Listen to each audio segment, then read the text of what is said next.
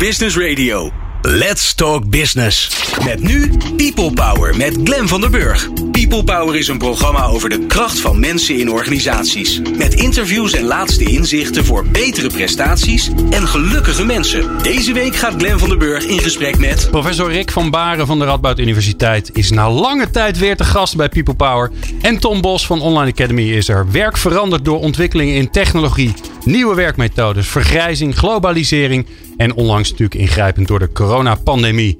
We moeten, uh, we moeten van leren aan het begin van ons leven naar een leven lang leren. En samen met Online Academy maken we een reeks programma's over een leven lang leren. Met experts, praktijkvoorbeelden en de laatste inzichten uit wetenschappelijk onderzoek en de technologie. In deze aflevering gaan we in gesprek met professor Rick van Baar. Hij is hoogleraar gedragsbeïnvloeding aan de Radboud Universiteit. En hij is ook nog ondernemer, want hij is oprichter van onder meer de Behavioral Change Group. En Tom Bos is in de studio directeur van Online Academy. Ja, een leven lang leren, dat is makkelijk gezegd, maar moeilijk gedaan. Waarom is het nou zo lastig? Wat kun je eraan doen en welke rol speelt de ander in jouw leerproces? En dat vragen we aan Rick van Baren en Tom Bos. Wil je nou de nieuwste afleveringen van People Power via WhatsApp? Sla ons nummer dan op een nieuw contactpersonen 06 4566 7548. Stuur ons een berichtje met je naam en podcast aan. Dan sturen we de nieuwste afleveringen direct zodra ze online staan. En als je dat doet, dan ben je waarschijnlijk nummer 350. Want zoveel zitten er ondertussen in mijn telefoontje. Fijn dat je luistert naar People Power. People Power met Glen van den Burg. Tom Bos en Rick van Baar in de studio. Rick, wat leuk dat je er weer bent. Ja, uh, thuiskomen. Dit is uh, echt even weer. Uh, hier had ik zin in, dit uitje. Ja, ja zeker. Ja, ja, zit jij al lang opgehokt of niet? Nee, ik zit niet opgehokt. ik ben meestal gewoon aan het werk in mijn kantoor. Ja. ja als maar niet naar de universiteit? Nee, universiteit niet. Maar ik zit meestal gewoon in mijn bedrijf of buiten aan het wandelen. Ja.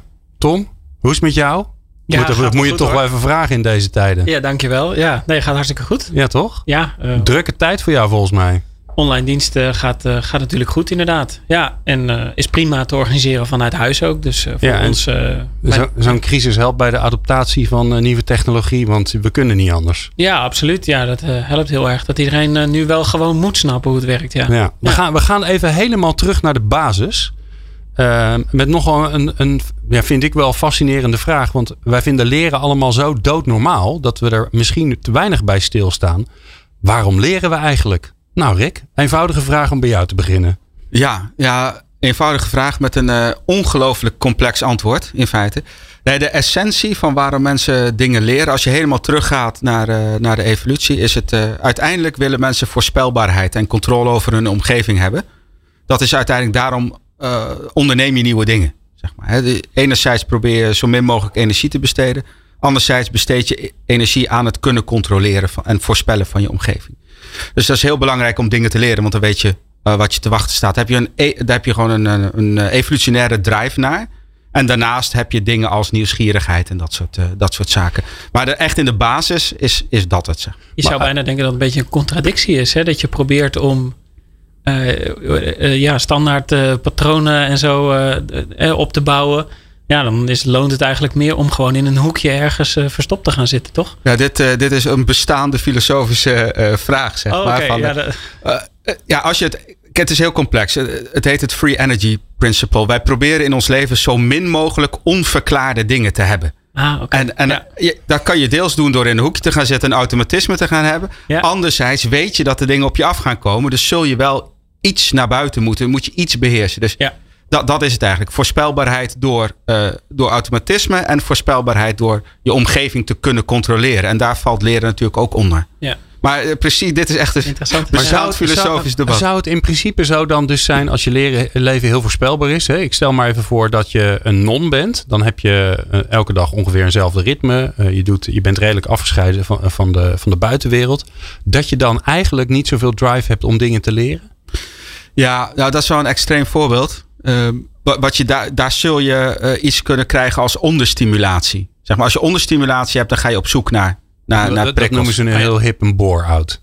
Ja, ja. In, in, feite wel. Ja, ja grappig. Ja. ja, maar je, je zoekt dus een balans tussen uh, gewoontes, automatisme, voorspelbaarheid, al die dingen. En een beetje exploratie om uiteindelijk grip te hebben. En wat je natuurlijk heel veel de laatste tijd hoort, en zeker als het gaat over de, de, de jonge generaties, dat ze zeggen, nou weet je, persoonlijke ontwikkeling, hè, kunnen leren, dat is een voorwaarde voor ze. Is dat een beetje bedacht? Want het klinkt bij jou, als jij het zegt, klinkt het toch als voor een groot gedeelte ook een soort van moetje. Je moet wel leren, want de wereld om je heen, je komt dingen tegen die je niet kunt voorspellen, die je niet snapt. En dus moet je gaan leren. Ja, nou, ik kan me. Ik, ik weet dit niet specifiek, maar ik kan me voorstellen dat de generatie waar je over praat.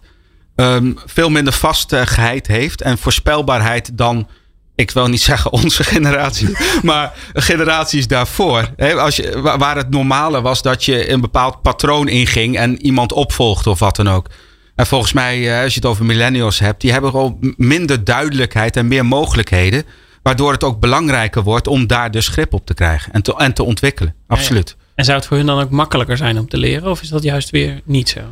Ja, enerzijds zijn ze het gewend, volgens mij, wat meer gewend om met onduidelijkheid om te gaan. Aan de andere kant zie je wel dat het bij uitstek een groep is waar, uh, waar wel uh, burn-out verschijnselen en, uh, en allerlei narige, narigheid qua psychologie zit. Hè? Die, die misschien ook daar wel mee te maken heeft. Met het, dat je niet echt die, die voorspelbaarheid en die grip hebt die eerdere generaties wel hadden. Ja, dus daar mag wel wat meer zekerheid in, in die levens. Ja, ja ik denk dat dat dat wel een van de dingen is, ja. Ja, ik denk dat het een van de problemen met millennials is. Ja, ja. ja we gaan ik nog één uh, basisvraag Jij mag altijd wat vragen, Tom. Oh, gelukkig. Ja, nee, ik was zo benieuwd zeg maar, hoe jij dat ziet, Rick. Is dan uh, leren en gedragsverandering, is dat hetzelfde? Um, nou, gedragsverandering wordt meestal gebruikt om, uh, ja, om, ja, om een doel te halen. Een, een, gedragsdoel. Je wil iets wel of niet doen. Of je wil dat je klant of je, of je burger wel of, of niet iets doet. Ik denk dat eh, of dat precies hetzelfde is als leren. Leren is, is denk ik vooral een interne aangelegenheid. Hè? Maar, maar wel om dat te kunnen. Je, je leert meestal natuurlijk om een effect te hebben. Dus ik denk als je een plat slaat, als je leert met een doel, dan zou het in theorie uh, een onderdeel van gedragsverandering moeten zijn. Ja. Oh, een onderdeel van. Nou ja, gedragsverandering heeft altijd ik een. Ik heb gelijk zo'n Venn-diagram in mijn hoofd, weet je wel, van die rondjes die dan over elkaar zitten. Dus wat zit waar? Nou ja, je kunt op, op meerdere manieren natuurlijk gedrag beïnvloeden. Je eigen gedrag. je kunt een coach nemen of je kunt, je, kunt je omgeving aanpassen. Maar je kunt ook dingen leren. je kunt, eh, dat noemen we architecture, competencies of drives. Je kunt iets aan motivatie doen, aan competenties of aan architectuur. En eh, ik denk dat, dat leren zit vooral in die competentiehoek. Natuurlijk, dat is een van de ingangen. Ja. ja, ja. En dan zijn, hebben wij uh, samen bedacht, Tom en ik, dat we een leuke reeks programma's over een leven lang leren zouden gaan maken. Uh, dus het is best wel een gevaarlijke vraag. Maar Um, doen we dat eigenlijk toch al? Dus gaat dat vanzelf?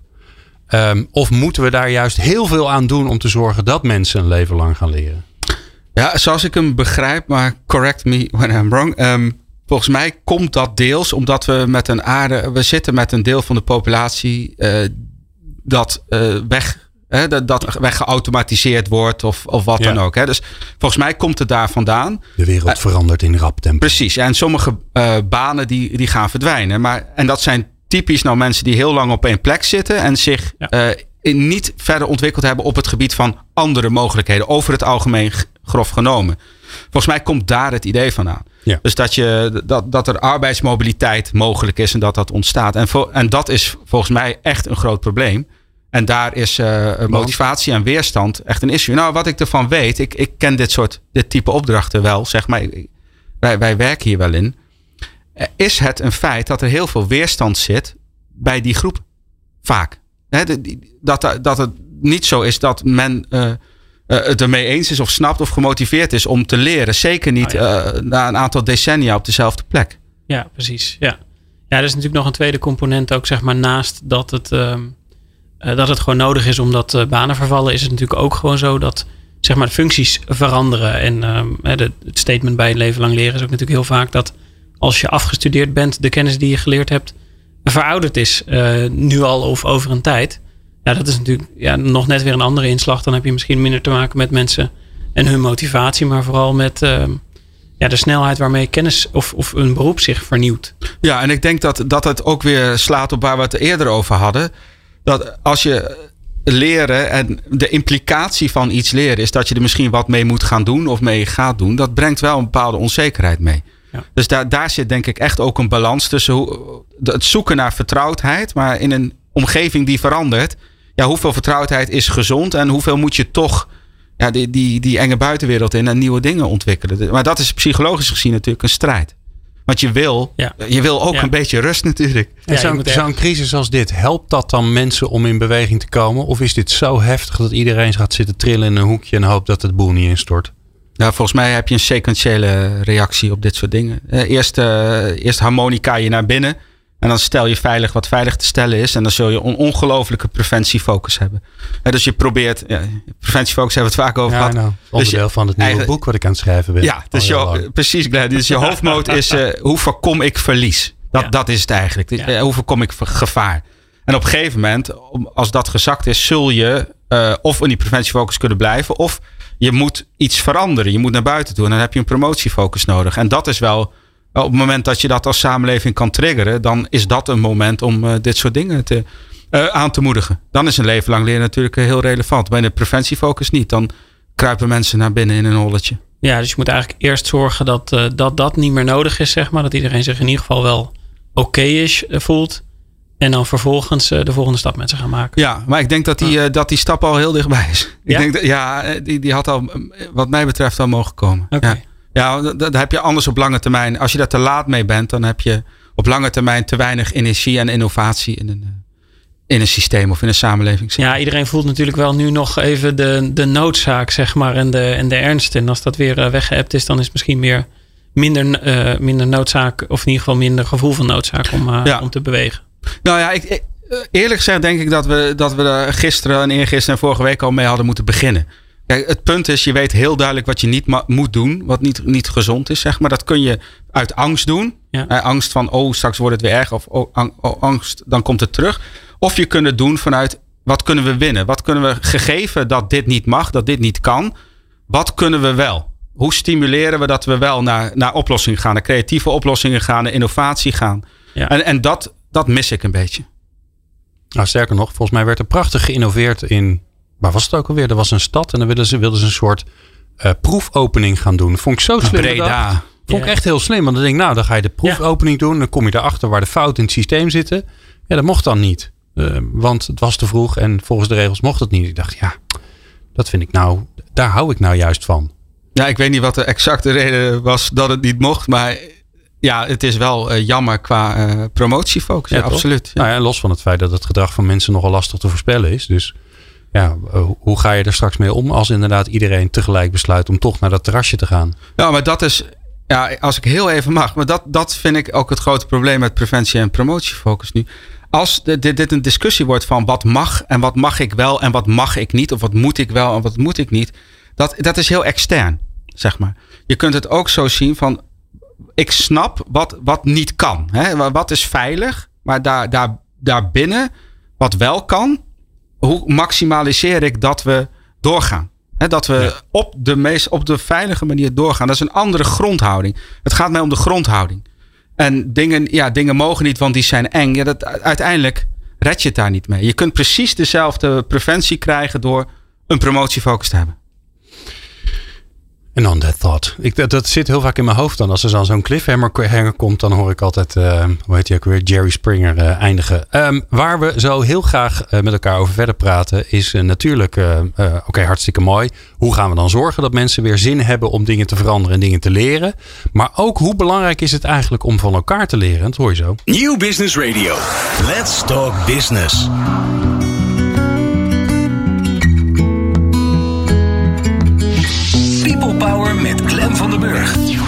Luisteren? people-power.nl Wat een idee, wat een plan over domme man. Waarom ben ik zo nerveus? Ga naar binnen, ga toch zitten en wat drinken dan. Misschien vindt ze je wel leuk. En jij haart dus elkaar en je kan een beetje lachen daar. Er is altijd een keuze. Ze kijkt je aan, de sfeer wordt plots zo serieus. Het is al laat toch, het is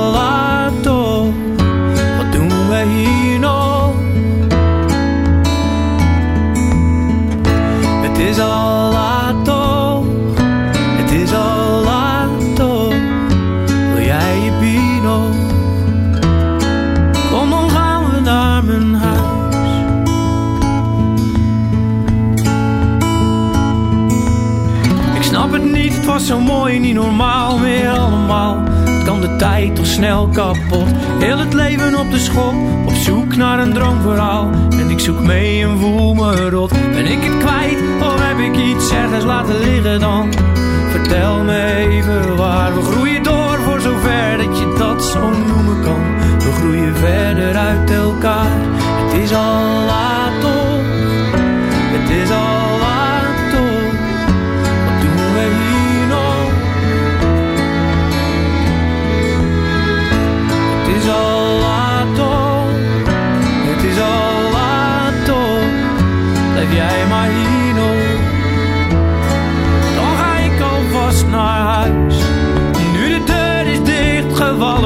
jouw aanwezigheid verdwijnt. Wordt mijn wereld enkel kleiner, ziels alleen door koppigheid. Wat we vergeten bij het schelden op de sleur van zoveel jaar.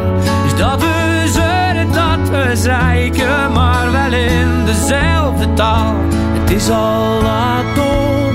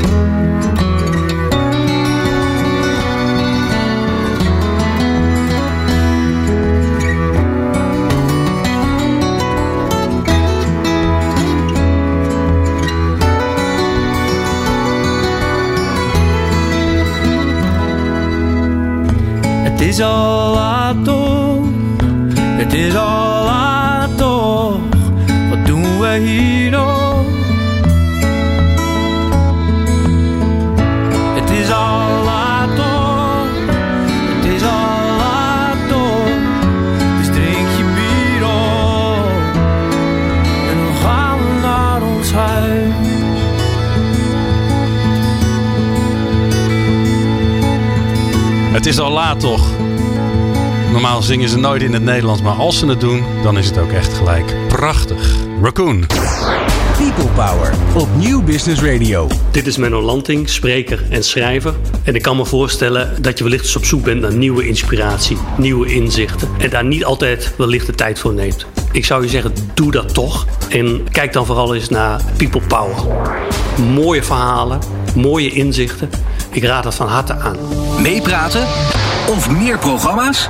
people-power.nl Ja, ik heb het altijd als Rick van Baar in de studio is. Dat alles wat ik doe, zit ik te denken. Oh shit, dit is ook gedragsbeïnvloeding. Want ja, als je Menno in een, eh, in een jingle hebt. Dat is natuurlijk iemand met autoriteit. En dat, eh, dat helpt dan als, om mensen weer meer te laten luisteren. Maar zo was het zeker ook bedoeld. Eh, Tom Bos en eh, Rick van Baar in de studio. We praten over ja, waarom, waarom leren we nou eigenlijk? En als we dan een leven lang moeten leren, hoe zorgen we dan dat we mensen daar een beetje mee op weg helpen? Ehm, eh, Rick, we hadden het er net over dat er ja, eigenlijk twee, dat zo zie ik het maar een beetje voor me, twee manieren zijn waarop mensen gaan leren om dingen onder controle te krijgen en omdat ze nieuwsgierig zijn. Kunnen we die twee dan ook gebruiken om mensen te helpen om ja, om, om aan de gang te gaan. Want dat is vaak het probleem bij een leven lang leren. Dat eh, iedereen vindt het belangrijk. Alleen ze komen niet tot actie. Hmm, ja, ja. Ehm, daar moet ik even over nadenken. Eh, als je het over controle hebt, dan eh, dat helpt op het moment dat mensen onzekerheid voelen. Als jij onzeker bent in een situatie, en dan, dan is dat de motivatie. Want dan weet je, oké, als ik dit ga doen, dan, dan heb ik weer een goede uitkomst. Of dan, dan kan ik wat. Maar ik denk dat het, het grootste probleem met wel of niet leven lang leren is ehm, weerstanden. Ik denk dat motivaties enerzijds. Ik denk dat mensen uiteindelijk wel, wel vaak wel willen op een of andere manier, wel iets willen leren. Maar dat ze weerstanden hebben. Ja, de bekende weerstanden dat ze, dat ze eh reactance hebben, opstandigheid. Van, eh, Ja, je moet wel even. Want, eh, Je moet leren. Ik heb last van, van de, de, de, curse of knowledge. Hè. Dus, Ah. er zijn er drie, toch? Ja, ja, reactance, opstandigheid. Eh, jij bepaalt niet wat ik moet doen. eh, autonomie gebaseerd. Uh, leven lang leren van wie dan? Eh, ga weg man, rot op. Dat, dat, hè, dat kan een Bemoei weerstand je er zijn. niet mee. Ja, dat kan naar de bron zijn of dat je beïnvloed wordt. Het tweede is meer scepticisme, eh, onzekerheid. Dus niet ske- ja, scepticisme uit onzekerheid van ja, en als ik dat dan doe en kan dat wel en moet, je dan een, moet ik dan een stage lopen en kan dat onder werktijd en nou, dan ben je zo bezig dat je er geen eens aan begint, zeg maar. Alleen maar ja maar, ja maar, ja maar. Want je gelooft gewoon niet dat het echt wat gaat helpen. Ja, je bent onzeker of het echt wat gaat helpen. Oké. Ja. Ja, het is niet, het is, scepticisme is niet dat je het feitelijk oneens bent met iets, maar je ziet niet goed, je overziet het niet goed. En dan heb je de laatste inertia van ja, je hebt gelijk, ja, dat wil ik wel. Ah, dat zou ik moeten doen. Dat zou ik moeten doen. Dat ga ik doen en dan Ja. Goed toch idee. doe je dit niet. Ja, Hey, maar zou dan eh, de te- termijnen daar ook een eh, rol in spelen? Ik kan me zo goed voorstellen dat het. Ik merk dat het in ieder geval zelf altijd als ik eh, beslissingen over langere termijn zou moeten nemen. Of met name als ik iets moet leren wat eh, groot is, zeg maar, en wat lang gaat duren. Dat ik daar ook veel minder snel aan, eh, aan begin, zeg maar, dan, eh, dan, Ja. dan korte termijn. Ja, ja, zeker die kleine stapjes en, da- en dat soort dingen. Dat, ja, dat voet in de deur, dat is heel belangrijk bij dit soort zaken. Ja, ja. Ja, ja hoe groter het is, hoe meer die scepticisme ook, ook optreedt. En die Ja, inertie precies. eigenlijk ook. Ja, want je moet over een veel grotere drempel heen. En het, het begint morgen al. Het is levensomvattend. Ja, dat is, eh, dat is Ja. natuurlijk erg. Ja. Maar de inertia is wel vreselijk, hè? Want dan, dan, dan hoor je iedereen ja zeggen. En dus iedereen, iedereen is het ermee eens. En ze herhalen zelfs ook nog wel waarom het belangrijk is. Ja, En dus, toch gebeurt het niet. ja, dus jij denkt als werkgever van eh, mooi, de boodschap is aangekomen. Ik ben klaar. En je gaat eh, naar huis of eh, iets anders doen. En je denkt, nou, we hebben afgesproken dat iedereen dit gaat leren. En dan gebeurt er vervolgens een half jaar later is er niks veranderd. Ja. Nee. Ja. Nou ja, kijk. De, eerste moet, je moet die weerstanden in die volgorde afgaan. Eerst moet je checken of er iets mis is met de autonomie. De, en dan gaat het over de subjectieve autonomie natuurlijk. Maar als er niks, geen weerstand tegen jou is, tegen de bron, dan is dat het probleem niet. Nee. Bij scepticisme heb je iets, van, iets nodig van garanties. Je moet mensen het garanderen dat iets goed komt, dat ze geholpen worden, dat ze terug kunnen. Dat soort zaken. En wat ook helpt tegen scepticisme is om het iets later in de tijd te zetten. Als iets verder weg in de tijd is, dan kijken we er abstracter naar. En dan kijken we meer naar de waarom, het waarom van dingen. Van hoe kan mij dit helpen? Maar als dingen heel dichtbij zijn en, dan, dan ben je druk, dan kijk je veel meer naar hoe kan dit? Lukt Ja. me dit? Ja. Dus je gaat een, die abstractie is goed om, eh, om, om, om iets te willen. En bij inertia is eigenlijk de crux dat je met verschillende technieken eh, het ja van mensen in, in gedrag eh, laat uitmonden. En da, daar zijn gewoon, ja, daar heb je commitment technieken voor nodig. Dus je, je moet eigenlijk al die drie die weerstanden langslopen. En zeker die laatste is dan wel een hele spannende. Ja, da, ja, dan moet je wel iets. Dan Omdat het, zo, het, voelt, nodig. het voelt zo van ik word in de maling genomen gewoon. Je zegt, je, je zegt ja en je doet het gewoon niet. Heb je Dus het persoonlijke voelt eh, ervaringen, Glenn? Het klinkt alsof... ik, eh, zeg, nou, oh, zullen we daar een keer een hele aflevering... Nee, dat valt best wel mee. Nee, maar ik, ik kan me zo goed voorstellen dat je... Zeker als je leidinggevende bent en je zegt... Nou jongens, dat gaan we doen. Hè, dat gaan we doen. Ja. We hebben alle stappen en je hebt al openheid en eh, alles gedaan. En dan, en dan gebeurt het toch niet. Dan denk je, ja, Ja. kom op hé. Ja, dat is, dat is mijn leven. Ja. Dan ga je het heel erg op jezelf betrekken. Ja, maar dat moet je niet doen. Kijk, als, je, als jij snapt waar die weerstanden vandaan komen. Reactance, scepticisme en inertia. Dat zijn gezonde reacties van mensen om bepaalde basisbehoeften te beschermen. En je bent opstandig omdat je bedreigd wordt in je autonomie. En je hebt gewoon autonomie nodig om een gezond persoon te zijn psychologisch. Ja. Dus gebeurt er iets wat, waarvan je denkt, hoe dat bedreigt het, dan moet je dat herstellen. En scepticisme hetzelfde. Al- Als iets heel onzeker is en jij overziet de gevolgen niet, dan is het verstandig om daar niet meteen in te rennen. En inertia ook. Als je alles doet wat je zou kunnen doen, zou willen doen, zou moeten doen, dan word je gek. Dus dat zijn op zich, daar mag je daar best empathie voor hebben. Maar als je dat geconcludeerd hebt, dan, dan weet je ook waar de oplossingen liggen. En ik kan me ook voorstellen dat het fijn is dat het dus niet een persoonlijk ding is. Van ik zeg ja tegen jou, maar ik doe nee, want ik vind je niet aardig. Dat is gewoon een menselijk... het is- ook gewoon menselijk gedrag. Of ja, menselijk als je het over gedrag. inertia hebt, ja. ja, Ja. Als je gewoon een hekel aan me hebt, dan hebben we een ander probleem. Ja. Maar bij inertia is dat heel menselijk, ja. Is net als goede voornemens, joh. Dat, eh, we hebben een hele bak aan voorbeelden. Ja. Ja. Ja. en de sociale druk speelt misschien ook wel een rol natuurlijk. Van, eh, als je het aan je team eh, mededeelt en eh, vier van de vijf zeggen hardop van nou, eh, dat was ik niet per se van plan of dat, dat spreekt me niet aan. en de vijfde denkt misschien, nou, ik, ik heb er wel zin in. Ja, dan is de vraag of die vijfde nog, nog mee durft te gaan, zeg maar. Ja, in groepsverband is sociale druk een enorm belangrijke drijfveer van gedrag. Absoluut, ja. Dat is een, een mooi, eh, mooi bruggetje naar eh, Goed, eh, ons laatste stukje straks. Maar daar zit nog wat tussen. Want ook de column van Aukje Nauta, ook professor. We hebben echt met bakken trekken we ze open hier. Ehm, die gaat ook over, ehm, eh, ja, over bij elkaar zijn en het nut en de noodzaak daarvan. En dat hoor je zo. People Power. Inspirerende gesprekken over de kracht van mensen in organisaties. Met Glen van der Burg. Aukje Nauta is al jarenlang columnist. Eh, dit keer kon ze niet live in de uitzending zijn. Dus we hebben haar column opgenomen. En als ik dan met haar bel om de column op te nemen. Ja, dan heb je ook even de tijd om even te kletsen. Dat heb je normaal in de uitzending niet. Dus wij kletsen dan even bij. Ehm, en ja, dat, dat, na dat geklets uh, is dan altijd de vraag: ja, wanneer beginnen we dan bij met de opname van de column? En in dit geval was, uh, was het zoeken naar het moment van wanneer beginnen we met het opnemen van de column. Eigenlijk een hele mooie aanleiding, een mooie uh, opmaat naar de column zelf toe. Dus ehm, ja, we waren lekker aan het kletsen en toen zei Aukje dit. Ja, zal, zal, zal, ik hem dan maar uh, uh, geven? Of wou je nog meer uh, babbelen? oh, dit was babbelen. Godsamme, doe ik een keer geïnteresseerd, krijg dit naar jou geslingerd. ja, dit is wel leuk, want mijn, mijn column gaat ook over een bakje koffie. Oh. dus dat gaat juist ontzettend over, over babbelen. Nou, Aukje, laten we ophouden met babbelen. Ik ben heel benieuwd naar nou, je column. Oké, ja, hij, gaat, hij is getiteld Een bakje koffie. Um, ja, wat is voor jou werkelijk van waarde in deze huidige coronacrisistijd?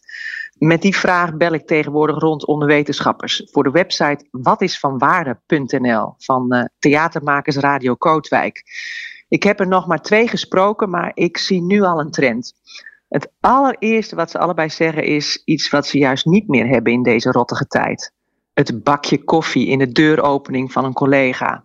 Of urenlang onderzoeksresultaten bediscussiëren met een biertje erbij op een terras.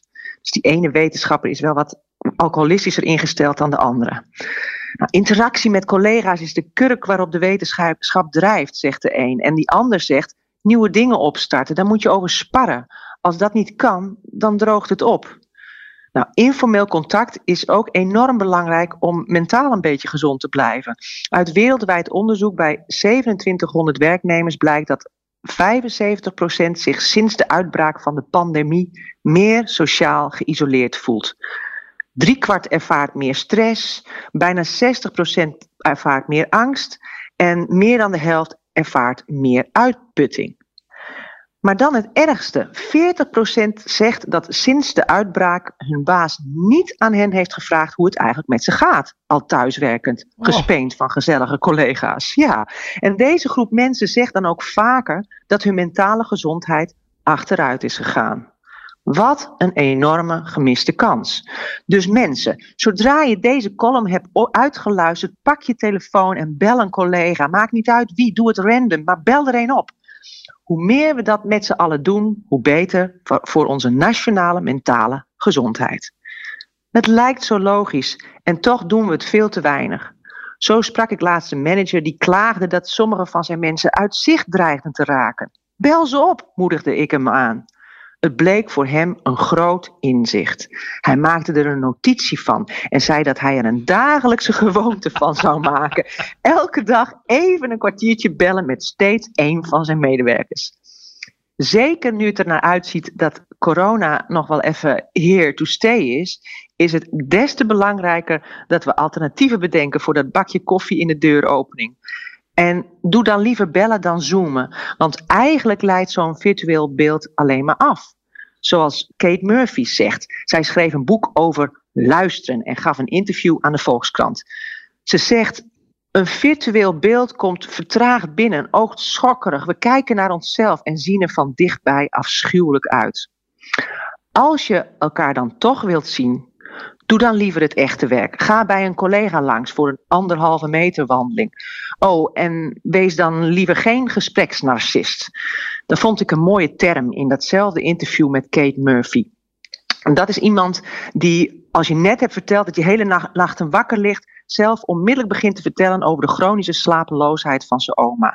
Ga dus echt luisteren naar je wandelpartner. Al wandelend kun je zelfs af en toe een stilte laten vallen de beste manier om, om elkaar de ruimte te geven. En misschien heb je geluk en tref je onderweg een afhaalbarretje. Kun je ook nog samen een kopje koffie of een biertje doen. Oh, hoe is het met je oudje? je hebt geen Goed, baas die je belt. Nee, nee, maar ja, misschien, ja, daarom des te leuker Glenn dat jij me even belt. Ja, toch? ja, Ik zal er een notitie van maken. Oké, doe dat. hey, dankjewel voor je mooie, mooie column. Ik zat gelijk mee te schrijven, want uh, zeker van dat, van dat virtuele beeld vind ik wel heel interessant. Dat had ik nog helemaal niet gehoord. Dus veel dank. En ik spreek je natuurlijk volgende maand weer. People Power met Glen van den Burg. Ja, soms dan staan we uh, tussendoor een beetje te kletsen. En dan vergeet ik ook nog op een knopje te drukken. Maar gelukkig uh, ging het allemaal bijna goed. Um, Rick van Baren en Tom Bos in de studio. We praten over, over leren. Nou ja, daar kunnen we nog uren en uren over praten. Dat gaan we gelukkig ook doen. Um, ja, we hebben het gehad over waarom leren we eigenlijk. Ehm, hoe werkt het dan ongeveer? Waarom doen mensen het niet? ja, toch maar even, toch maar even bij jou beginnen. Um, dat leven lang leren, we weten dat we dat allemaal moeten doen. Ja. Um, het zit ook gewoon in ons werk. Hè? We, we, we, kijken er toch altijd naar dat leren iets bijzonders is. Ik ga nu even zitten leren. Ja. Hoe, hoe werkt dat eigenlijk? Hoe, hoe kijken jullie daarnaar? Nou ja, dat is natuurlijk, ja, dat klopt op zich wel wat je zegt. Je leert eigenlijk uh, de hele dag door. We staan nu enorm te leren namelijk. Ontzettend, ja, dat dacht ja. ik al. Ja, vooral omdat Rick er is natuurlijk. Nou, voor jou ook hoor, wees niet bang. nee, het, het, is natuurlijk zo dat er, uh, dat uh, door gewoon je werk te doen, leer je natuurlijk ook al een hele hoop. Hè? Je, tenminste leer je waarschijnlijk om nog beter datgene te doen wat je al deed, zeg maar. Als je de honderdste keer een spijker erin slaat, gaat het misschien beter dan de eerste keer, zeg maar. Terwijl je nog steeds de spijker erin slaat. Dus je wordt, hoe dan ook, ben je soort van aan het leren. En uh, ja, dat geldt gewoon uh, voor al het leren door, uh, ja, door, door de dag heen, zeg maar. Het grootste deel van wat je leert is waarschijnlijk niet in een klaslokaal. Want daar, zei ik net al, er zijn niet genoeg docenten voor en niet genoeg geld voor. Nee. Ja. Ik heb ooit eens een keer met uh, het Ingrid van Engelshoven, onze, onze minister van Onderwijs, een van de twee overigens, uh, had ik het erover. En die had het over dat, uh, dat we dat juist moeten gaan reframen. Hè? Dat we moeten zorgen dat leren weer iets is wat leuk is, in plaats van ja, ja, ja. wat moet. En volgens mij als iets moet, dan ga je aan de autonomie knabbelen en dan gaat het mis. Ja, toch je hebt, je hebt opgelet in het vorige blok. Ja, ja, nee, ik luister altijd heel goed ja, naar. Dank je. Ja. Ja. het belangrijkste is natuurlijk dat je het goed gaat faciliteren, zeg maar. Dat, dat is volgens mij waar het om gaat. Of het nou faciliteren is dat mensen lessen kunnen volgen. Of faciliteren dat ze op hun werkplek kunnen leren. Dat maakt natuurlijk niet zou, zoveel zou het nou helpen dat je jezelf bewust bent van het feit dat je aan het leren bent als je iets aan het doen bent überhaupt? Of het nou werken is of dat je een hobby aan het doen bent. Maakt dat dan uit nog?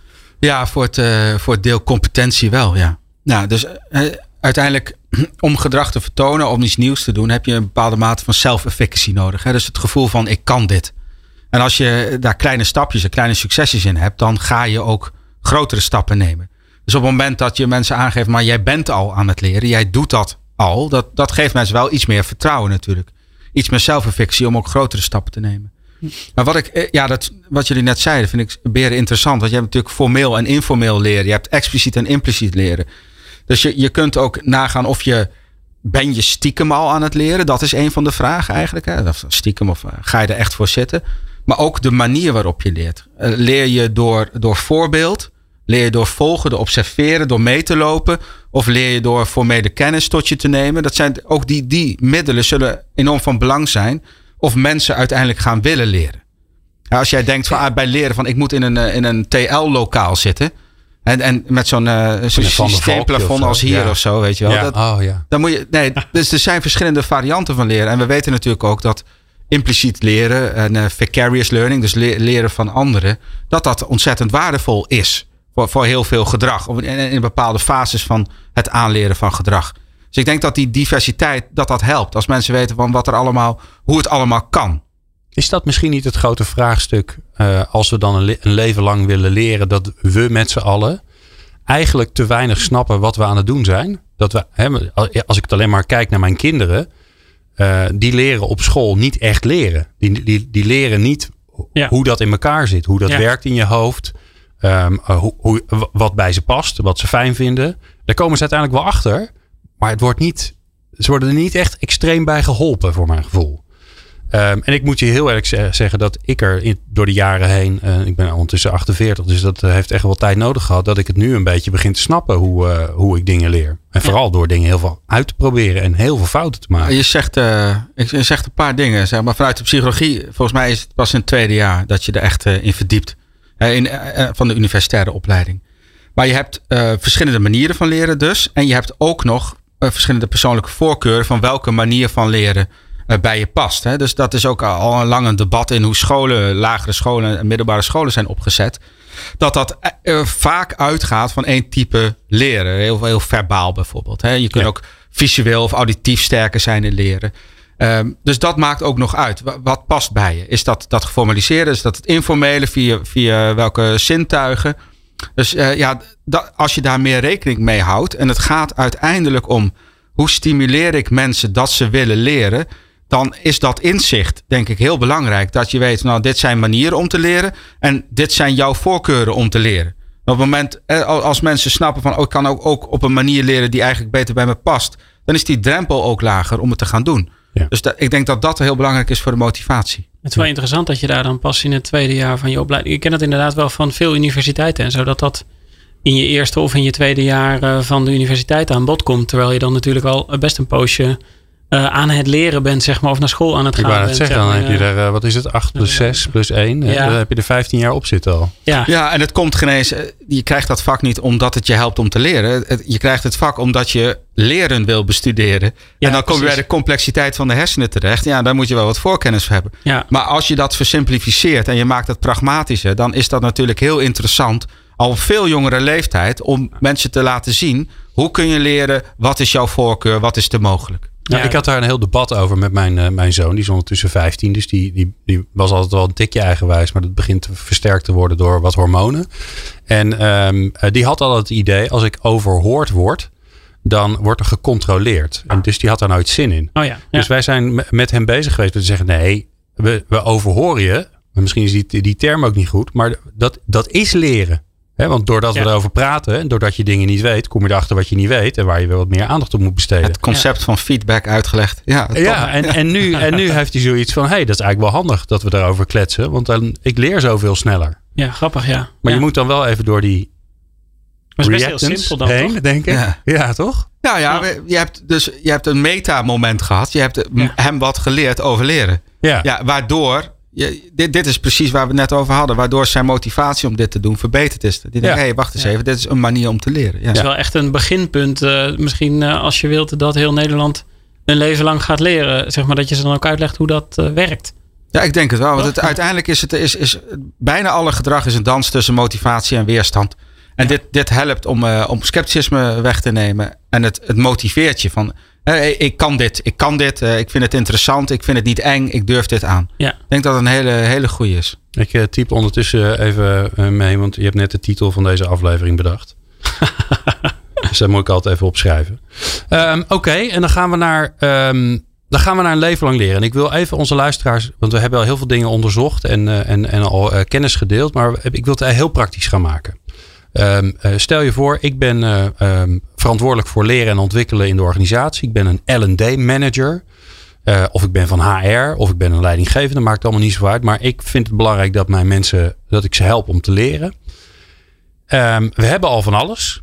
Dus er is van alles. We hebben een heel mooi pakket. En we, we, we hebben bij Online Academy hebben we de hele eh, Sante Bekraan eh, gehuurd. Eh, dus iedereen kan alles een beetje doen. Van, van virtueel kantklossen tot, eh, tot een cursus Russisch tot eh, leiderschap. Dat zit allemaal erin. Of een combinatie van die drie. Of Spannend. ja. Ik leer nieuwe dingen nu. Ja. Ehm, maar ja, niemand gebruikt. Nou, niemand.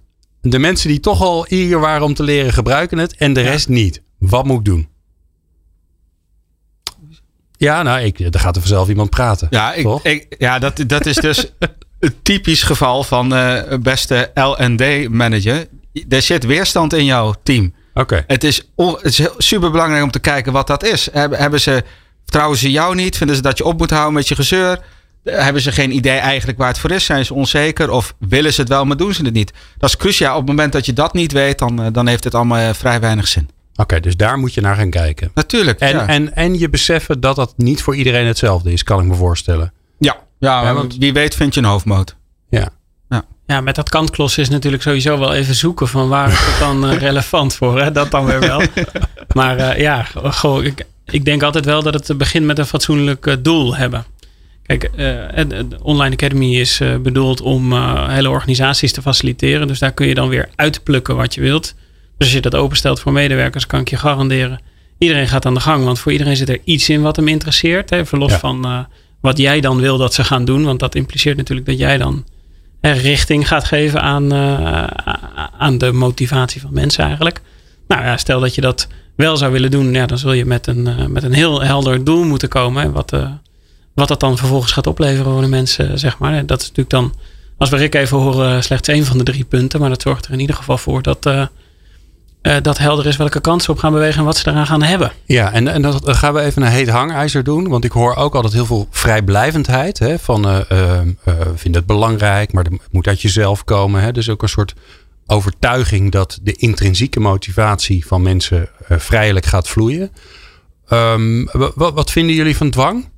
Gewoon zeggen, joh, dit heb je gewoon nodig voor je werk. Dus je moet dit gewoon, uh, ik heb een vinklijstje, deze vier dingen moet je gewoon gedaan hebben. Je bedoelt ons schoolsysteem gewoon. Toch? Nee, maar, je, je hebt, nee, maar je bijvoorbeeld, plicht, zeg nou, maar. Nou, maar je hebt, uh, je hebt bijvoorbeeld uh, bij heel veel beroepen moet je een veiligheidscertificaat halen. Ja. Punt. Ja, maar die is dan toch. Anders mag je je werk niet doen. Dat is gewoon heel helder, toch? En ik vind dat trouwens met gewone functies ook. Zoals, kijk, uh, bij jouw functie bijvoorbeeld. Ik zou nooit zeggen van jij moet een cursus ja, radio maken, volgen of zoiets. Maar ja, je moet wel natuurlijk weten dat je, op welk moment je op welke knop moet drukken. Ja. Dus je kan beter, denk ik, daar afspraken over maken. En dan iemand de middelen geven die hij nodig heeft om erachter te komen op welke knop hij moet drukken. Ja, en dan kan jij de keuze maken. Maar ja, om jouw werk uit te kunnen oefenen, moet je bepaalde dingen kunnen. Ja, maar er zijn natuurlijk Ja, best wel wat systemen. Hè? Je hebt ook verpleegkundigen, die moeten ook gewoon die moeten hun punten halen, zodat ze hun, uh, hun, uh, hun Ja. BIG-registratie kunnen blijven doen. Is dat nou verkeerd of werkt dat eigenlijk als een dolle? Ja, maar dat, dat, dat zit in een grotere context van veiligheid over het algemeen. Hè. Dat zijn eh, dingen om veiligheid van de eindgebruikers te garanderen. Ja. Kijk, ik denk dat, dat dwang is echt een laatste redmiddel. Ik, ik, ik zou niet weten hoe je... Ik, zou, ik zie dat hier niet zo zitten. Maar uiteindelijk heb je die dwang nodig... omdat ergens je urgentie en je belang niet helemaal duidelijk is blijkbaar. Ja. En je, je, hebt, je hebt niet genoeg gedaan om naar de, aan de intrinsieke motivatie te zitten. Nee, da- daar ontbreekt gewoon iets. Dus je hebt in die zin eh, is je werk nog niet af. En Ja. dwang, ja, het- een leven lang ontwikkelen met dwang, dat, eh, een leven lang leren met dwang, lijkt me niet waar je naartoe Nee, maar is goed. Nee, dan maar een component kan Niet doen. natuurlijk wel, want het is. Nou ja, dat ben ik niet helemaal met je eens. Want eh, in de zorg bijvoorbeeld, hè, jouw voorbeeld. Ja, eh, daar willen wij als Nederland volgens mij op enige manier aantoonbaar maken dat de mensen die dat werk uitoefenen, dat ook eh, kunnen. Ja. Ja, dat kan door langs te gaan op een eh, priklab en mensen te laten prikken en dan te kijken natuurlijk. Nou ja, dat, dat is misschien niet altijd haalbaar. Dat zou het mooiste zijn. Maar goed, ik, ik zit niet in die markt, dus dat weet ik niet. Maar ja, je zult op enige manier dan aantoonbaar moeten maken. Dus dat, dat leren, zeg maar even, dat heeft dan een hele andere functie. Dat is eigenlijk bijna niet leren. Dat is aantonen, zeg maar. Dat is gewoon een, een audit, zoals dat ook eh, in de financiële wereld gedaan wordt bijvoorbeeld. Gewoon om te zien of mensen iets kunnen. Oké, dus die weerstanden wegnemen. Dat hebben we nu gedaan. Weerstanden zijn weg. Toch wil het nog niet helemaal. Waar ligt dat dan aan? Omdat het doel niet helder is? Nee, want dan krijg je weerstand. Ik probeer mezelf ook even te snappen hoor. Nee, ja, het, het, het blijft een dans tussen eh, motivatie en weerstand. Ja. Ja, dus eh, je, als, als je geen weerstand hebt, maar er is geen, eh, geen eh, gevoel van willen, van urgentie, van motivatie, dan, dan, dan ontstaat het gedrag ook nog niet. Dus je hebt eigenlijk gewoon een dashboardje van zie je dat mensen het eigenlijk ergens wel willen en wat houdt ze tegen?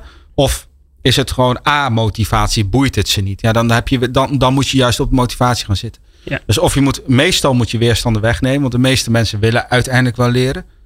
Maar het kan zijn dat je wat meer energie in het systeem moet schoppen. Ja. Ja, en helpt het dan, hè, want dat zei Tom natuurlijk, om scherpe doelen te stellen. En te zeggen, een perspectief te schetsen. Te zeggen, jongens, weet je, we gaan met dit bedrijf die kant op. En dan heb je dit gewoon nodig, want dat hoort erbij. Ja, ja, precies. En dan ook, en dat, dat bedoelt dan op zo'n manier dat, je, dat het voor jou helemaal duidelijk is wat jouw rol daarin is en wat jij hebt aan die opleiding.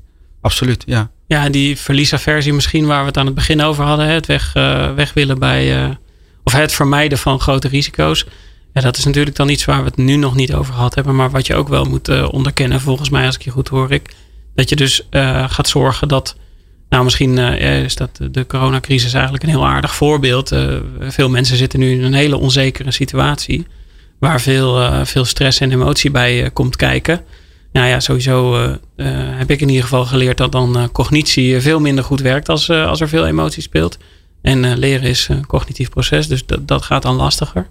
Dus eh, we moeten ook wel een soort van de juiste timing pakken van wanneer is die, die veilige situatie een beetje oké. en dat als vertrekpunt pakken om, eh, om te gaan leren. Ja, zeker. Helemaal mee eens. Ja, Hm. ja en, eh, je, toch je, je neiging is vaak om dan naar binnen gekeerd te raken. En, Ja. en dan helpt het wel wat om zekerheid te krijgen naar je handje te worden genomen. Dat is zeker absoluut waar. Maar je kunt erop wachten, maar je kunt ook proberen dat eerder te bereiken. Dat, eh, ik weet niet of er heel ja, veel tijd is, zeg maar. Zekerheid creëren bedoel je, zeg maar. Ja, dat je toch als leidinggevende met mensen echt gaat zitten en het over die angsten hebt en over die, Ja, ja. eh, dat gevaar hebt, maar ook van hoe je, daar, hoe je kan helpen om voor de ander om daaruit te komen. Hè? Om de, de- op het moment dat je dat echt empathisch bespreekt, dat je veel eerder naar een, een leren- en promotiestand kan gaan. ja. ja. En dat is wat we nodig hebben. Dat is wel helder, Rick. Dat denk ik wel. Volgens Ja. mij moeten we daar nog eens een keer een hele aflevering over volkletsen. Wel interessant. Ja, hè? Ja, zeker. Maar dat gaan we zeker doen. Daar moeten we niet, niet te lang mee wachten overigens. Want ja, straks zijn we al eh, het moment voorbij dat we zeiden... Ja, weet je, weet je nog toen we het erover hadden? Toen vonden wij al dat het anders moest. Ja, joh. het leven is een, een eenschakeling van dat soort momenten. Mannen, ik heb eh, eh, genoten van het afgelopen uur. Eh, Tom, leuk dat je er weer was. Want je bent er volgende maand ben je er gewoon gezellig weer. Ehm, fijn dat je er weer was, Rick. Graag gedaan. Veel te lang geleden. Eh, binnenkort komt het boek uit waar wij samen aan gewerkt hebben. Eh, maar daar praat ik je zo over bij. Want eh daar valt nog wel wat over te vertellen. Ehm, eh, wil je meer weten, dan kan, dan kan dat natuurlijk. Dan kun je even zoeken op Online Academy. Daar vind je natuurlijk alle informatie over hoe, al die fantastische online dingen die zeker nu zo handig zijn om te volgen. die vind je daar. En natuurlijk, als je dit onderwerp zo interessant vindt dat je je er meer in wil bekwamen, dan kun je natuurlijk terecht op gedragsveranderaar.nl. Zeg ik goed toch, Rick? Yes, sir. Ja, dan hebben we dat. Dankjewel gehad. voor deze reclame. Ja, heel graag gedaan. Ja. Eh, dankjewel mannen. Tot een volgende keer. Dankjewel, Glenn. Ja, dank je.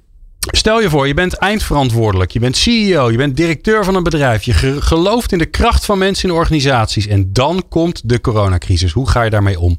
In de volgende aflevering van People Power spreken we met Maaike de Wit. Zij is de baas bij RVDB. En Ingeborg van Harten. En zij is Head of People and Places bij Molly. En dat hoor je in de volgende aflevering. Kun je niet wachten? Kan je natuurlijk altijd naar peoplepower.radio. Vind je alle 327 afleveringen volgens mij. Fijn dat je luisterde. Meepraten of meer programma's? people-power.nl